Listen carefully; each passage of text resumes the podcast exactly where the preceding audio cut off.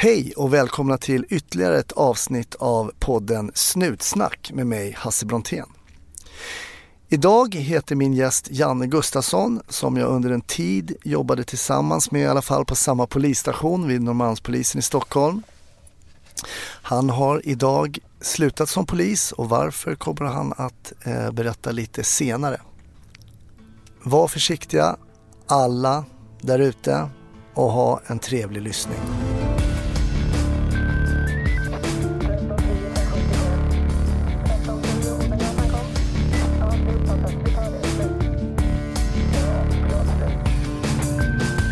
Välkommen till Snutsnack, Janne Gustafsson.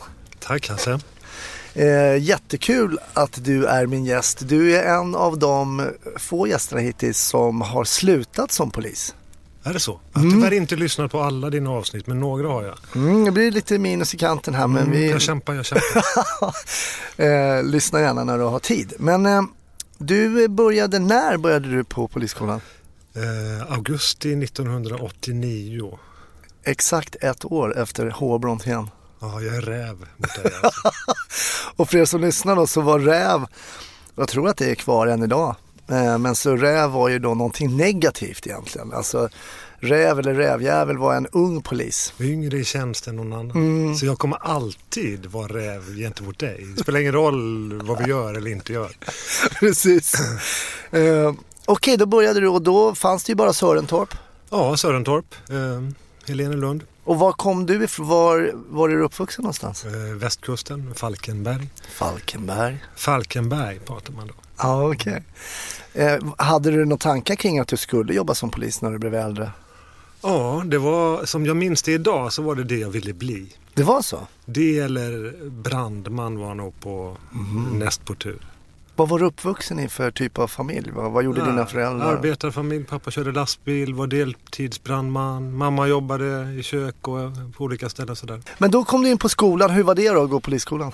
Ja, det var väl... Eh, som jag minns det så var det, det var bra, men det var slitsamt. Jag är inget eh, geni så. Jag har inga andra studieskulder. Jag fick kämpa med det teori, teoretiska. Ja, var det så? Ja, det var lättare för det praktiska och övningar och sådär. Mm. Men eh, jag vet inte. Fick eh, plugga inför proven. Ja. Det kommer jag ihåg. Men du stod där i blå hallen till slut. Ja, just det. i Blå hallen var det. Ja. Och så ju, det var ju annorlunda då mot nu. Mm. Eh, med praktik där i ett och ett halvt år var det va? Just det. Då var jag på Norrmalmspolisen och i city här i Stockholm. Just det, för det är så vi känner varandra eh, back in the days då. Då jobbade du på Norrmalmspolisen och du jobbade i den beryktade då får man väl ändå säga A-turen på Norrmalmspolisen. Eller berömda. Eller berömda så kan man säga. Ni var väl både berömda och beryktade. Och varför var det så att den här A-turen på Norrmalm var då berömd slash beryktad? Ja, om jag nyktert kan se bak på det, tillbaka på det idag så är det ju för att det fanns ju något gammalt där för eh, både min och din tid. eh, Mm. I, I mitten på 80-talet som det gjordes filmer om och så vidare. Eh, som levde kvar, A-turen liksom. Eh, well, när vi kom dit, ja det var lite mer auktoritärt, lite eh, äldst går först och man står upp och hälsar på varandra och sådär. Och pressväck på armarna och man jobbade i skjorta slips året runt. Ingen polotröja där inte. Just det, ni hade några små Eh, egna regler. Ja, skärmössa om det var fotpatrull. Ehm, och, men, och yngst fick sitta inne. Eh, Och det tog ju då ett halvår till det kom en annan räv som fick sitta inne istället. Men det var okej. och när du säger yngst då, så att, eh, eller sitta inne menar jag, förlåt, yngst förstår vi. Men att sitta inne så menar du då, fanns det två sätt att så att säga sitta inne på stationen och vilka var det då? Ja, antingen satt man på framsidan i reception. Mm. Det här är ju gamla, var det Bryggargatan? Mm. Hette det det? Precis, eller hette det till Järnvägsgatan. Östra Järnvägsgatan? va? Ja. En riktig polisstation. Mm. Eh, trasig, skitig.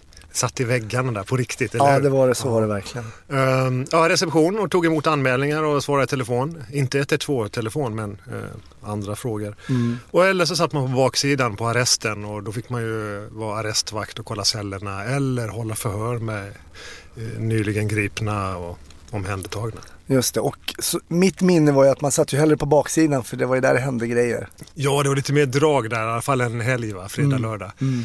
Eh, framsidan var inte lika sexigt. Sen kommer jag ihåg nu, bara för att eh, vi tar upp det. jag tror jag gnetade något pass eller några pass på A-turen och då satt man ju där och väntade på utsättning kallades det för. Och alla vet vad gneta är. Nej ah, just det, gneta ska vi säga, jobba extra. Ja, övertidspass. Övertidspass, ja. precis. Skrev man upp sig i en perm. Ja, just det, den permen. Ja. Den finns nog inte längre. Äh, skrev man upp sig i en perm och sa man, då sa man, ja, jag är ledig fredag, lördag, se om jag får någon gnet. Ja, Fick man det ibland. Klassiskt. Och då var det A-turen, skulle jag gneta A-turen. Sitter man där och väntar på vakthavande och då stod alltid någon i dörren. Eh, jag vet inte om det var yngst eller det var någon som stod i dörren så såg när vakthavande kom. Eller, ja, ja, vakt... I korridoren med pärmen under armen. Och då skrek han till turlaget och de som sa så här.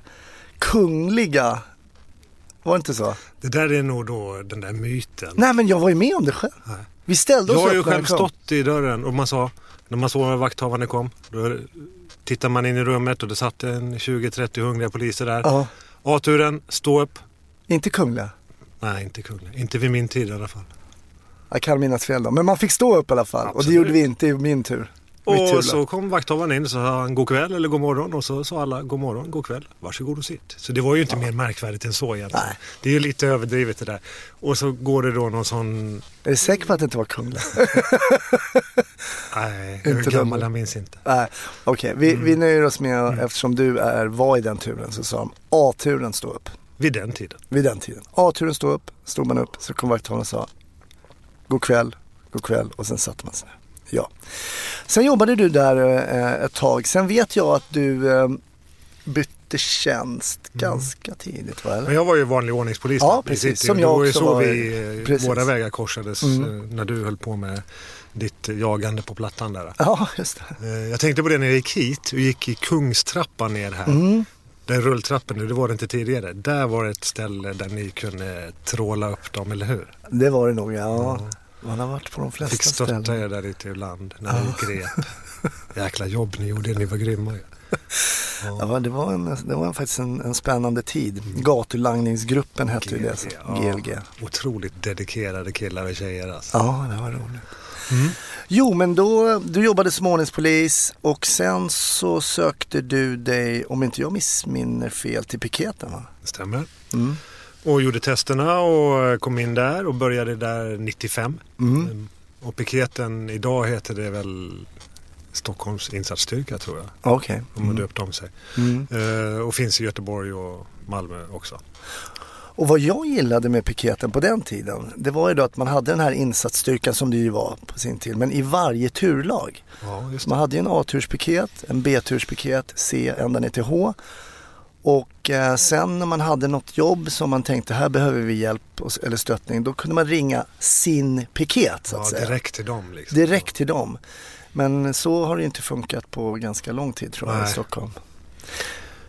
Centraliseras. Precis. Och sen kunde man spela bandy mot, mot piketen och bli riktigt uppsmiskad mot väggen. Klockan tolv på natten. Ja, det var inte klokt. och sen åt man hamburgare.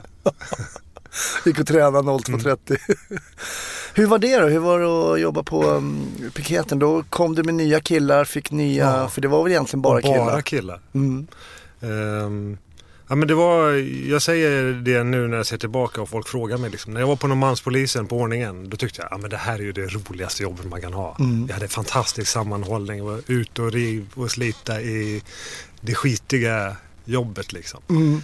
Men vi hade, det var bra och sen på piketen då tyckte jag att ah, det här är det bästa polisjobbet man kan ha. Sex grabbar i en eh, skeva eh, buss med svarta rutor och tränade mycket, gymmade mycket, var mycket på skjutbanan och övade. Vi var ju en specialenhet som hade mer utbildning och utrustning för att kunna klara av farliga situationer. Mm. Och då det blev ju en jäkla sammanhållning där. Man blev mm. tajta. Och det var ju såklart väldigt grabbigt då. För det finns och fanns finns inga, eller fanns inga tjejer än så länge som har klarat de fysiska kraven är det väl vad jag förstår. Nej, just det. Um, så det är inte förbjudet på något sätt. Nej. Har du kontakt med de här killarna som var i din grupp fortfarande? Faktiskt inte någon i min grupp men några ifrån piketen där mm. som absolut som jag har kontakt med. Men det är ingen kvar där. Liksom. Det... Så om jag tolkar det rätt här, eh, så fördel med att vara i en piketgrupp då och jobba så är kanske sammanhållning, mm. gemenskap, träna mycket tillsammans. Man blir en väldigt tajt eh, enhet som är, när man gjorde sina speciella jobb så var man ju ruggigt väloljat maskineri. För Mm. man hade ju övat och övat och på de här speciella insatserna för inbrytning i hus eller lägenhet till exempel. Mm. Eh, Då kände man, shit vi är bra på det här alltså. Och det var ju det man såg fram emot. Nu hände ju inte det så ofta då men Nej. Vad, vad skulle du säga, skulle du kunna se några saker som var mindre roliga med att vara på piketen? Du sa att då var det det bästa du tänkte, men fanns det någonting där som... Ja, men det var ju mycket väntan där också. Man satt på arslet i bussen eller i en buske i skogen eller i någon trappuppgång och vänta, vänta på att få det här go, go, go Mm. som inte kom så ofta egentligen för man löste det på ett annat sätt. Va? Just det, Eller busarna inte dök upp etc. ja precis. Mm. Hur länge var du på piketen då? Eh, till 2003, så det var åtta år. Men under den tiden så jobbade jag för FN i två och ett halvt år utomlands också i några konfliktzoner. Hur var det då, att komma utomlands? Ja, det var ju bra eh, att få lära sig och se något nytt och komma ifrån lite. Mm. Eh, ja, väldigt lärorikt. Så Jag var i Bosnien ett år och i Georgien ett och ett halvt år. Eh, vid tre tillfällen sammanlagt. Mm. Jag vet, för vi har pratat lite innan du och jag och eh, jag vet att den historien du har med dig, jag tänkte att, för att jag vet att den är under den här tidsperioden när du jobbar i en piketgrupp. Ja, just det. Jag tänkte om vi kanske kunde ta den och sen kan vi gå vidare lite med vad du fortsatte med som polis sen. Mm. Ja, det slutade inte där. Nej, precis, Nej. det slutade inte där. Nej, men eftersom vi är på eh, den här tiden i slutet på eh, 90-talet. Ehm, ja, men du frågade om någon speciell händelse som jag kommer ihåg särskilt eller som har satt sig någonstans. Ja, som har berört dig Ja, kanske. berört mig. Inte så att jag har eh, förändrat mig eller mitt liv. Men, Nej. ja, men jag minns den här, det här tillfället. Mm, berätta. Och det är några saker, nu eftersom vi skulle ses idag så har jag tänkt tillbaka. Liksom, vad kommer jag ihåg mer än annat? Och det, ja, först var vi var när vi fick det här caset. Mm. Vi stod såklart och drack kaffe på Shell Lindhagensplan. Just det, där Jag är 100% säker på att det var så. Vi jobbade natt. Eh, Man börjar med en fika efter att ha tränat och åker ut. Så klockan är förmodligen vid halv elva, kvart i elva kan jag tänka mig. Mm. Och så ringer telefonen på gruppchefen. Och så ser man att han går ifrån och säger ja grabbar vi får åka in och rusta. Alltså då åka in till våra lokaler på Lilla Essingen då och Ja. rusta. Det betyder att ja, vi har fått ett case. Vi ska ut och Och vad innebär rusta mer eh, när ni, konkret när ni kommer till era lokaler? Vad gör ni då? Jag lastade, nu vet jag inte hur det funkar idag, men vid den tiden så var det att vi hade ju inte förstärkningsvapen, alltså tunga, långa vapen med oss utan de fick man hämta i vapenförrådet och eh, MP5 och gasvapen och sådana här saker. Och sen inbrytningsverktyg eh, och eh, skyddsutrustning, mer eh, västar och sköldar och hjälmar och eh, på den tiden så åkte man inte omkring med allt eh, Nej. utan man fick åka in och Men var det snabba ryck här då eller? Ja, och det är, det, som, det är en sån sak som jag minns som var häftigt eh, i gruppdynamiken där. När man fick det här ifrån eh, han, gruppchefen då, då bara rullade det på liksom. Det är inte så att han behöver peka på att du gör det, du gör det, utan vi kommer in i garaget och alla bara försvinner åt varsitt håll och så bara fyller man bilarna med rätt grejer och det är ingen som kollar och dubbelkollar för Det blir fixat? Ja, och då är det ingen som håller på att dra dåliga skämt och boxar i magen och slår i bakhuvudet liksom. Det är, nu är det jobb. Mm. Det andra gjorde vi hela tiden annars. Ja, det vet jag det. Ja, ja. Ja, och så gjorde vi det, rustar och han drar lite snabbt bara. Ja, vi ska ut till en ö i skärgården. Eh, Jag är inte mer specifik än så idag för, Nej. så att inte någon kan känna igen sig. Ehm, och kustbevakningen ligger och väntar på oss vid en hamn eh, långt ut eh, och ska köra ut oss.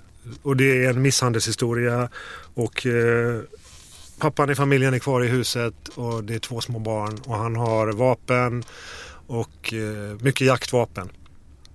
Ungefär där stod vi då. Mm. Och på ön finns nu en polispatrull, eh, en vanlig polispatrull som håller på att ta, eh, hämta in uppgifter då ifrån det misshandlade offret, mamman i familjen då.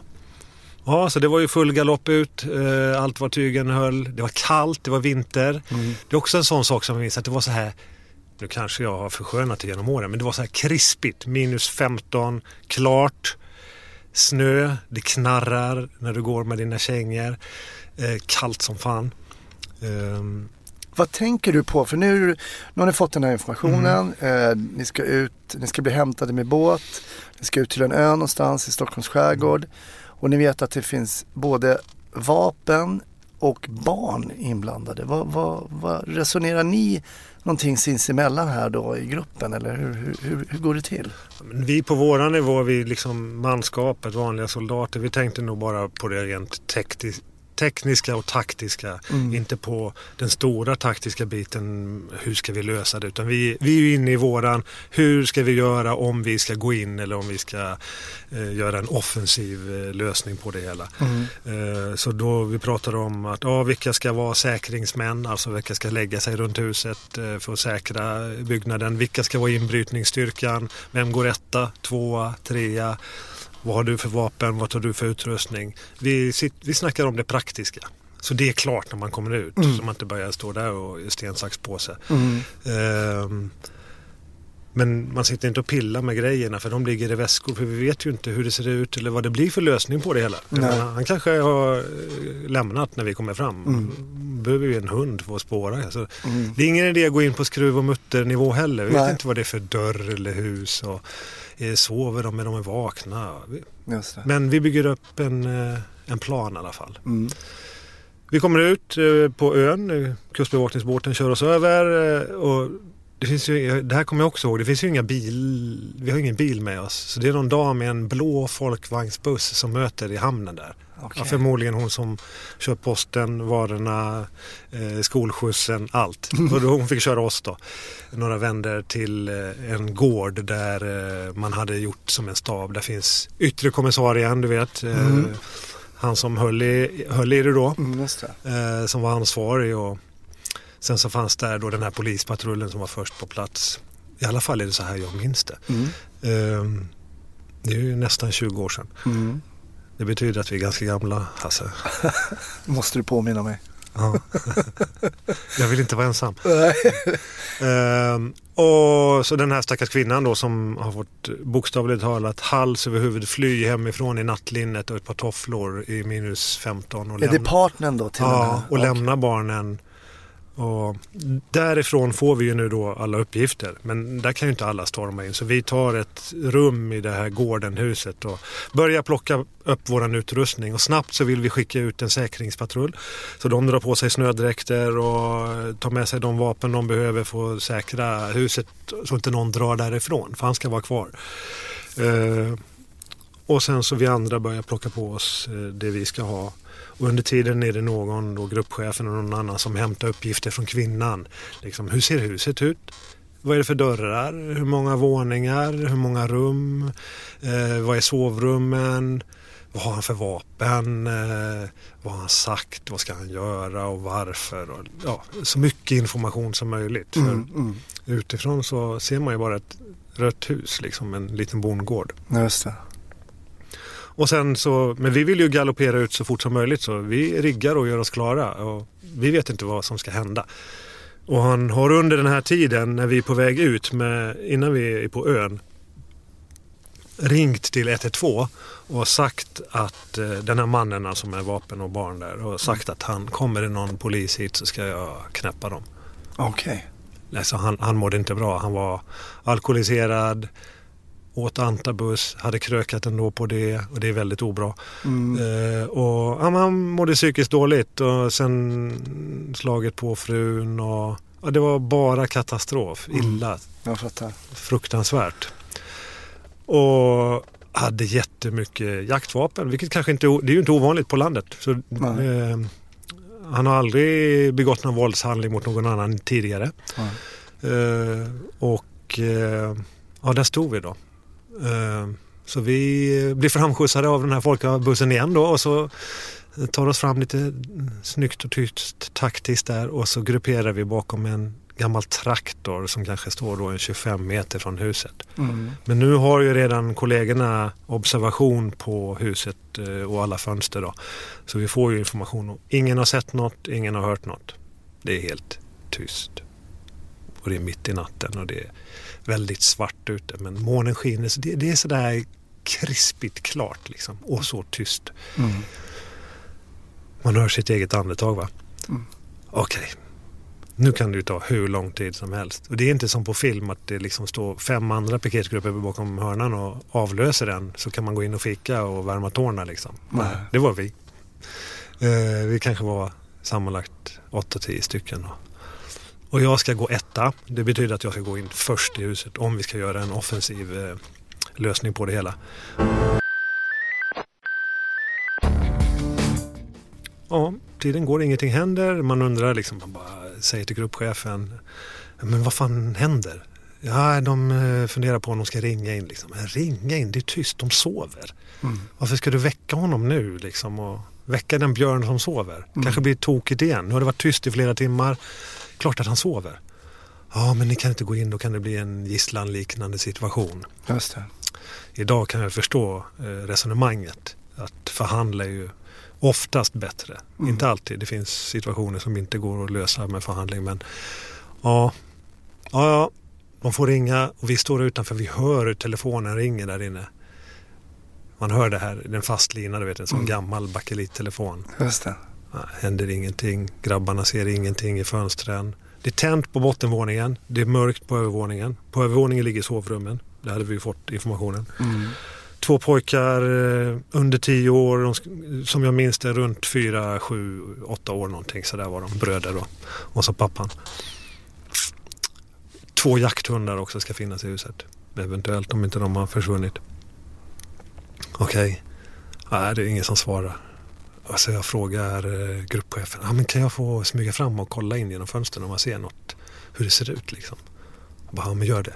Så jag tipptapp tassar fram där och kom ihåg jag sträcker mig upp. Nu, dålig radio när jag visar med händerna hur jag gör. Jaha. Men eh, tittar in genom fönstret och eh, fönstren och jag kan se det ligger jättemycket ammunition liksom bara utslängd på ett köksbord och vardagsrumsbord och ligger olika typer av vapen, jaktvapen där. Okej. Jag är ingen vapenspecialist, jag kan inte säga vad det var men det fanns grejer där inne. Men det är helt tyst, inte ens hundarna hör eller ser jag. Okej, och så går jag upp på trappen, det är sån här trätrapp med en farstukvist, heter det så? Mm, mm. Som går ut så klassisk gård och så det knirrar lite i trappan. Och så känner jag på dörren, sakta, sakta. Och öppn- den är olåst. Och så hör jag i trappan hur det rasslar ner ja, hundarna då. Bara, De får inte börja skälla nu. Så jag bara släpper och så backar jag sakta ner. Liksom. Okej, han sover ju. Det är olåst. Så vi är tillbaka och så tisslar tasslar vi. Kan vi inte komma igen nu? Vi, vi gör en tyst inbrytning. Alltså att vi går inte in med buller och bång. Eh, du vet distraktionsgranater och skriker polisen och står still. Utan vi smyger in. Det gick ju bra det här. Han Mm. ligger ju och sover. Han är ju helt borta efter den här natten. Och, ehm, Okej, ringer till kommissarien. Kan vi få beslut på det? Vi får inte göra någonting på eget initiativ. Om det inte är uppenbart nödvärn, så att det börjar Precis. Ja. hej baberiba skjuts till höger och vänster. Liksom. Mm.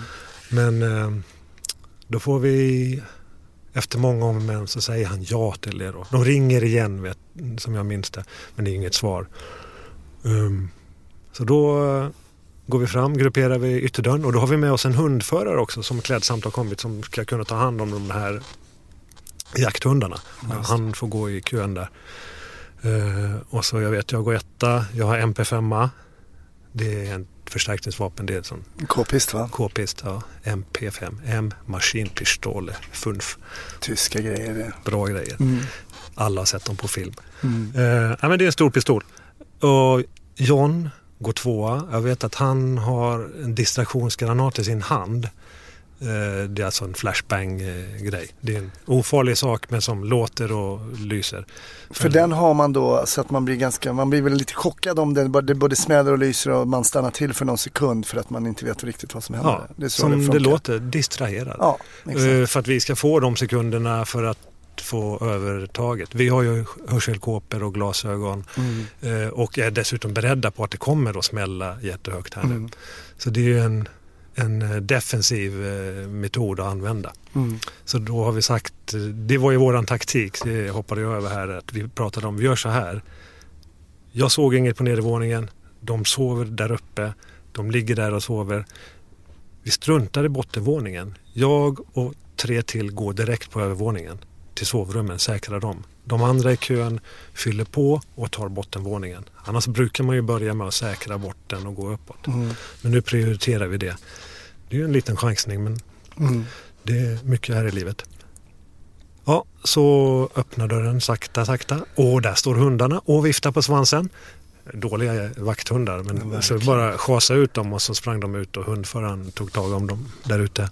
Och sen så gick vi sakta upp nu då, inte springa. Och jag känner, John han går så nära så att man känner att han är i ryggen liksom. För jag går ju där och riktar eh, vapnet uppåt om man ska möta honom. N- nu, redan nu när jag pratar här så har jag ganska hög puls tror jag. Ja, du kommer, Och- och- du kommer tillbaks till den här. Ja, och då hade jag ännu högre puls förmodligen. Såklart. Eh, Men vi eh, går upp för trappan och så hade vi fått att föräldrarnas sovrum var till höger, barnens till vänster. Mm. Och då hade vi bestämt också att ja, men, om han är i sitt sovrum då stannar vi där. Den dörren är dessutom var den stängd. Så vi stannar där, jag först och eh, kollegan i ryggen. Och sen så går två stycken förbi och går in i barnens sovrum. Och jag var inte med in där då, men det fick jag berättat sen av mina kollegor att där i sängen sitter de här två bröderna och håller om varandra, vakna. Okej. Eh, då blev jag lite rörd. Mm. Eh, Sorgligt. Ja, jättetragiskt. Eh, och så tittar de liksom, in kommer i rummet och två stycken insatsklädda poliser, svartklädda, du vet, glasögon, huvud, Nomex-huvor, hjälm. Ser ju inte nå, det är inte jultomten liksom. Nej. Men bra killar liksom som bara säger hejsan grabbar, det är ingen fara, det är polisen. Och då säger storebror det första han säger. Vad bra att ni kommer, vi har väntat på er. Ah. Och så tar de dem i handen och famnen och så bär ner dem, bär ut dem. Och vi står fortfarande utanför dörren till det andra sovrummet där vi tror pappan är då. Mm. Men vi säkrar grabbarna och de blir bortforslade hem till mamman då. Som var hos grannen. Och då bu- bullar vi upp för att gå in i, ja, vi har kollat alla rum nu, han är, vi har inte sett honom någon annanstans, han måste vara här. Så öppnar dörren sakta. Ja då, han ligger på mage och sover. Jag kommer ihåg den här synen så väl. Han ligger på mage och sover. Bredvid honom ligger ett hagelgevär. Så jag liksom säkrar honom och står kvar i dörröppningen. Kollegan går förbi mig bakom fram till sängen. Han har fria händer och sen så nickar vi och sen så ja, övermannar han honom och talar om tydligt vilka vi är. Och sen så, och jag går fram och tar geväret och flyttar på det. Och eh, ja, bojar honom och, eh, där och paketerar honom ordentligt. Eh, och han är jätteupprörd och förbannad direkt. Okej. Aggressiv, eh, helt obegripligt men han var ju inte vid sina sinnens fulla bruk. Ja, just det. Och jag kommer ihåg väl, för det fick jag berätta vid rättegången också, att det här geväret som låg bredvid honom där, det var ett hagelgevär dubbelpipigt. Det var laddat och osäkrat. Oj. Och där ligger han liksom på fyllan och så. Han kunde ju hur lätt som helst råkat dra av eh, ett skott i huvudet på sig själv liksom av misstag. Mm. Och- Eller kanske också mot sin, någon av sina söner. Om Ja, eller vem eller vad som helst liksom. Mm. Så det var ju bara Guds försyn att ingen blev allvarligt skadad den här kvällen. Just det. Eh, fysiskt i alla fall. Vad gör ni efter en sån här händelse då? Nej, det är väl som en del andra har sagt här hos dig att vid den tiden så var det ingen det var inte så att man satt i grupp och det kom en speciell handledare och pratade med oss. Vi var ju nöjda för vi hade ju löst det jäkligt bra. Mm. Eh, Och, och som jag sa, ingen eh, skadad och alla Ja. hela och rena. Klart att de mådde jättedåligt, alla inblandade. Mm. Eh, Men vi var mer, ja, man var bara tuff och det här, bra jobbat, lite high five ungefär. Och, Ja. eh, diskade av det där, åkte in och skrev av sig. Och Mm. Det tog väl nästan hela natten det här. Eh, och, eh, men det gäller ju att dokumentera och skriva noga också så Mm, att det kan precis. bli någonting sen i förlängningen. Men jag tänker nu när jag frågade dig om du ville vara gäst hos mig så sa har du någon? Ja, det kommer upp en, en historia nu. Vad är anledningen? För du har gjort, du har gjort många, många ingripanden under dina år, dina år som polis. Vad är anledningen till att just den här historien, just den här historien dyker upp hos dig? Mm. Men efteråt, om jag började där, det var, jag hade inget problem att sova och jag funderade inte på de här pojkarna. Och, men vid den tiden, eh, jag hade inga barn själv. Eh, det var inte många i min grupp som hade barn, mer än en eller två, två kanske.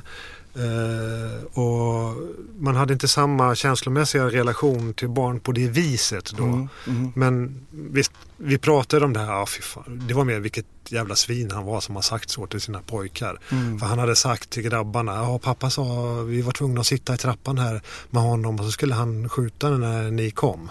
Mm. Och vi skulle sitta där med honom. Och då tänkte, det var mer att vi tyckte att han var ett jävla svin som hade sagt så till sina barn. Just det. Eh, men nu senare i livet när jag har reflekterat så har jag tänkt bara, men gud, de där pojkarna. Vilket trauma. Mm. Hur, hur kom de igenom det? Hur kom den familjen igenom det? Vad yes. hände dem? Mamman, pappan, för han mådde ju jättedåligt uppenbarligen. Mm. Av eh, missbruk och annat. Eh, mm. Får man någon återkoppling? Nej, det får man inte och det är Nej. ingenting som man följer upp själv heller. Nej. Det vet du i dina case. Hur många har du låst in liksom och vet hur det gick för dem? Nej, precis. Eh, det skulle inte vara görligt att följa upp allt. Men i det här fallet så har jag funderat på... Och inte... är man mottaglig att följa upp alla sådana här situationer när det har varit lägenhetsbråk och barn som har råkat illa? Är man liksom, kan man göra det? Är det? Jag tror inte ens det är praktiskt möjligt. Alltså. Eh, det är väl därför vi har olika funktioner i samhället som ska hjälpa till. Då. Men, eh, och alla kanske inte lämpar att följa upp det heller. Nej. Tror jag. Nej. Men eh, nej, vet, vad skulle jag sagt om jag skulle träffat dem igen? Liksom? Nej. Det känns inte, nej, inte relevant. Men jag är allmänt nyfiken på hur det gick för den familjen. De pojkarna idag då, de är ju 25 mm. bast. Precis. Vad hände? Vad hände med dem? Jag hoppas det har gått bra. Ja, jag var och vittnade i rättegången sen. Jag, jag var nog bara jag som fick vittna för det var ju liksom ingen mening att släppa dit alla andra också. Nej. Jag vet att han fick eh, faktiskt fängelsedom, i alla fall i tingsrätten. Eh, och det är ganska ovanligt för, ja, vad var det då, misshandel och det blev ju ett olaga hot eftersom man hade sagt att han skulle skjuta några alltså. poliser och mm. så vidare. Ja, så gjorde han ju motstånd mot oss vilket är helt obegripligt liksom. Mm. Det var liksom ganska dödfött. Ja. Eh, men man, man har ändå funderat på, sen så nu jag såg ju inte de här pojkarna mer än när de bars ut därifrån. Men jag, jag har ändå sett dem framför mig. Mm. Jag menar, Lelle Och du har den bilden? Ja, fast jag inte har sett det. Hur Just. de satt och höll om varandra i sängen. Och så ja, tänker man själv när man har en pojk som har varit i den åldern en gång i tiden. Mm. Eh, om han skulle blivit utsatt för det så fruktansvärt alltså. Ja. Vilken... Vilket trauma som Och om de ändå inte satt där och gråt grät och var upprörda. Då tänkte jag så här, liksom, jaha, vad har ni egentligen sett i eran vardag? Ja, precis. Om ni inte tyckte det här var hemskt och tokigt. Mm. Vilket det var. Mm, absolut. Så det är klart att det satte sina spår. Men det är inte så att jag har känt att jag har, jag har inte kunnat sova eller legat vaken. Inte på den. Mm. Men det är en sån story som jag brukar dra. Och det mm. första jag kom på när du frågade var just den här. Men man kan också förstå, när jag säger man så säger väl jag, men jag tror kanske också lyssnarna med mig Eh, när du går upp för trappan, eh, du är först, du är etta, du vet inte vad som väntar, du är välutbildad, ni, har, mm. ni är rustade för de här situationerna. Men man kan inte heller rusta sig helt för sin fysiska reaktion och när man är där i ett skarpt läge. Nej, jag, jag har aldrig skjutit eh, någon eller mot någon eller ens ett varningsskott. Eh, trots alla otroliga situationer och länder och tillfällen jag har varit i. Mm. Vilket jag tar som är bra eh, att ha i CVt. Det får man säga. Då bra. har man löst uppgiften. Då har man löst det på ett annat sätt. För det är ju den, såklart den yttersta utvägen mm. att ta mm. till så, så gravt våld som Ja, det är det grövsta vi har. Liksom. Men den gången där och då, då var jag helt inställd på liksom, uppför trappan. Då är det osäkrat och fingret väldigt lätt på avtryckaren. Ja, men kommer han ut här nu? Det är inte tid att skrika polis, stopp, stanna. Liksom. Mm. Vänder någon upp ett vapen mot dig, du vet hur kort tid du har. Mm. Och vi hade hade ju snackat om det. Ja, men om man inte har någonting i händerna och han bara är aggressiv. Ja, men en distraktionsgranat och vi kan övermanna honom på ett annat sätt. Liksom. Mm. Man kan ju inte bara gå och spontant skjuta folk för att de har gjort någonting tidigare. Nej, det går inte. Eh, och det är väl för väl det. Det är väl det. Jag vet sen att tack så jättemycket för den här historien som eh, är både spännande och emotionell där. Så fort det är barn inblandat så blir man ju lite, lite tagen. Sen vet jag att du lämnar piketen och söker dig till, inte helt ovanligt att göra det här hoppet från piketen, för var går du sen? Men sen sökte jag till Säkerhetspolisens personskydd eh, då, som i vardagsspråk eh, livvakterna. Livvakterna, Ja. precis. Det 2003 började jag deras utbildning då på tio veckor. Hur var det att vara livvakt då? Ja, men då tyckte jag att det här är ju det bästa jobbet man kan ha som polis. Eh, du kanske får eh, berätta nu så här tillbaks i tiden vem som, eller vilka som var dina skyddspersoner. Ja, i, i mitt fall så är det okej därför att det har varit så mycket bilder och filmsnuttar som jag jobbade med kungafamiljen och eh, främst kronprinsessan och hennes syskon. Just det. Och så småningom då prins Daniel också. Jag kommer ihåg, jag har sett dig på tv där i bakgrunden och så, så, så har jag sagt sådär, honom känner jag, den där livvakten känner jag. Ja, min svärmor hade många bilder från Svensk Damtidning hon kom med också. Så det var svårt att ducka där. Ja. Eh, Men du var alltså en av dem med en sån där liten eh, plastgrej i örat som eh, Ja. tittade åt alla håll och sådär. Ja, flackande blick. Lä, läste människor. Men är det så då att man är eh, livvakt åt kungafamiljen eller åt någon annan eh, så följer man med där de, dit de åker helt enkelt? Ja, generellt sett. Det beror på hur mycket skydd de har och vad det är för hotbild. Det, det kan ju se olika ut eh, men eh, i vissa funktioner i svenska centrala ledningen så är det att de har det jämt med sig överallt. Mm. Även om de ska gå ut och köpa en liter mjölk bara eller om de ska Mm. åka på semester eller ett offentligt eh, framträdande.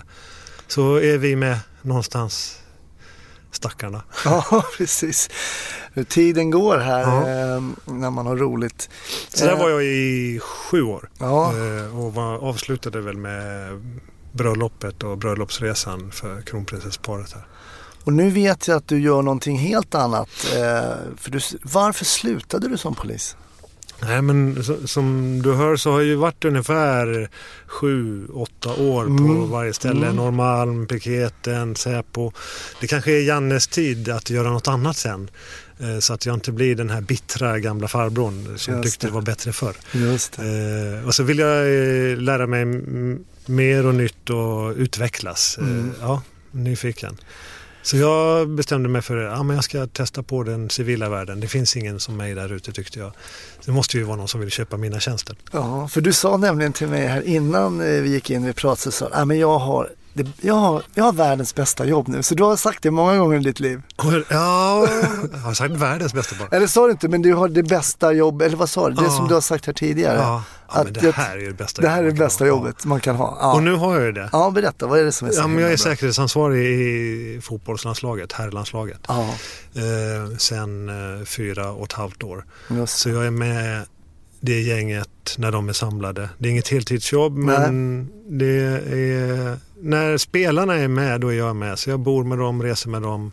Det är jag som räknar in dem i bussen, planet. Eh, Det är inte så här upprop Lindelöf och så får de räcka upp handen så här i bussen som man gjorde själv när man spelade. nej, jag vet var alla brukar sitta så jag räknar och så, ja ah, det fattas någon, eh, ja det brukar vara samma som fattas. Ja, vem är det som Eh, fattas eh, då? Det får du inte reda på. Jag misstänkte att jag skulle få det Eh, svaret faktiskt, ja. men jag försökte. Ja, nej, och ja, men jag har hand om administration där liksom. Mm. Transporter och bagage och pass och eh, allt som inte har med det sportsliga att göra. Jag förstår. Så, Men jag du, sitter med på bänken, det är helt otroligt. Eh, så du var som- alltså med, får man fråga, var du med på San Siro? Jag var med på San Siro.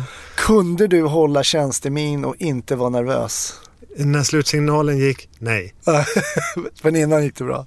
Ja, jag försökte. Det var hemskt. Det måste ju varit eh, fantastiskt att få vara med om en Ja, sån. eh, bästa upplevelsen i livet eh, som inte har med familjen att göra. Just det. Eh, ja, det, går, det är svårt att sätta ord på det. Det var en magisk upplevelse. Grabbarna gjorde en sån ah, bragd, kämpainsats Ja. som inte är av denna världen. Ni såg det säkert på tv eller hörde det på radion. Eh, Det är bra. Så nej, där sprack tjänsteminnen när slutsignalen gick och så flög upp och skrek lite. Vi kramades lite, några stycken och sen så fick jag kliva in i jobbet igen för sen haglade det in eh, flaskor och föremål mot... Ja, det eh, var så. Ja, men Men de kastar ju på fel lag kan man tycka. Alltså, det var väl italienarna som inte hade vunnit. Vi gjorde väl, Ja. svenska landslaget gjorde ju bara det de var satta att göra. Att, Men det är klart att alla inte sympatiserade med oss. Nej, men det gick förstår. bra, det var ingen som... Jag eh, pratade med grabbarna, gå inte för nära linjen nu och provocera inte, fira men eh, det. eh, det gick bra, det hände inget. Jag kan förstå deras otroliga besvikelse. Jag har bara svårt att förstå att man kastar saker mot andra Ja. människor som man inte känner. Nej.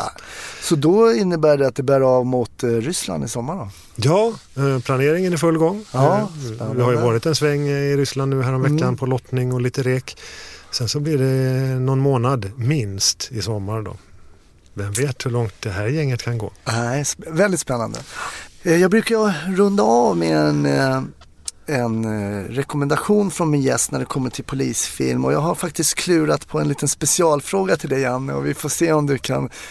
Eh, Jag skulle vilja ha ett förslag på en bästa livvaktsfilmen eftersom du har jobbat som livvakt åt kungafamiljen och då, så kanske då kan du rekommendera någon livvaktsfilm? Alla kommer ju tänka Bodyguard och Kevin Costner va? Just det. Ja. Eh, Den kanske inte är så nära det jag har jobbat med eller sådär. Men Nej. det finns en, inte för att det är någon, den är inte topp 10 film så, men du frågar specifikt om Ja, eh, den är nischad. Den nischad. Ja då får det nog bli eh, In the line of fire i skottlinjen med Clint Eastwood. Han är Secret Service-agent och ska skydda presidenten. Ah. Och precis nu kommer jag på vad ondingen heter. John Malkovich. Ah, Är den eh, the bad guy. bad guy. Riktigt eh, Men spännande den film. har jag nog sett faktiskt. Gammal, Eh, gammal. Ja, men Clint Eastwood är ändå Clint Eastwood. Va? Alltid, eller hur? Eller hur? Den tycker jag vi skickar iväg till våra lyssnare som en eh, favoritlivvaktsfilm. Stort tack Janne för Tack, att du var med och delade med dig av din historia under din tid eh, på piketpolisen eh, på Norrmalm i Stockholm. Och eh, ha en fortsatt jättetrevlig dag. Tack detsamma. Tack.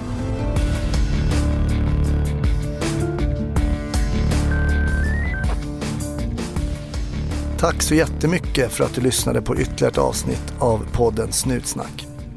Snutsnack finns på Facebook under namnet Snutsnack och mig, Hasse Brontén, hittar du på sociala medier, Twitter, Instagram och Facebook under mitt namn, Hasse Brontén. Ha det jättebra tills vi hörs nästa gång.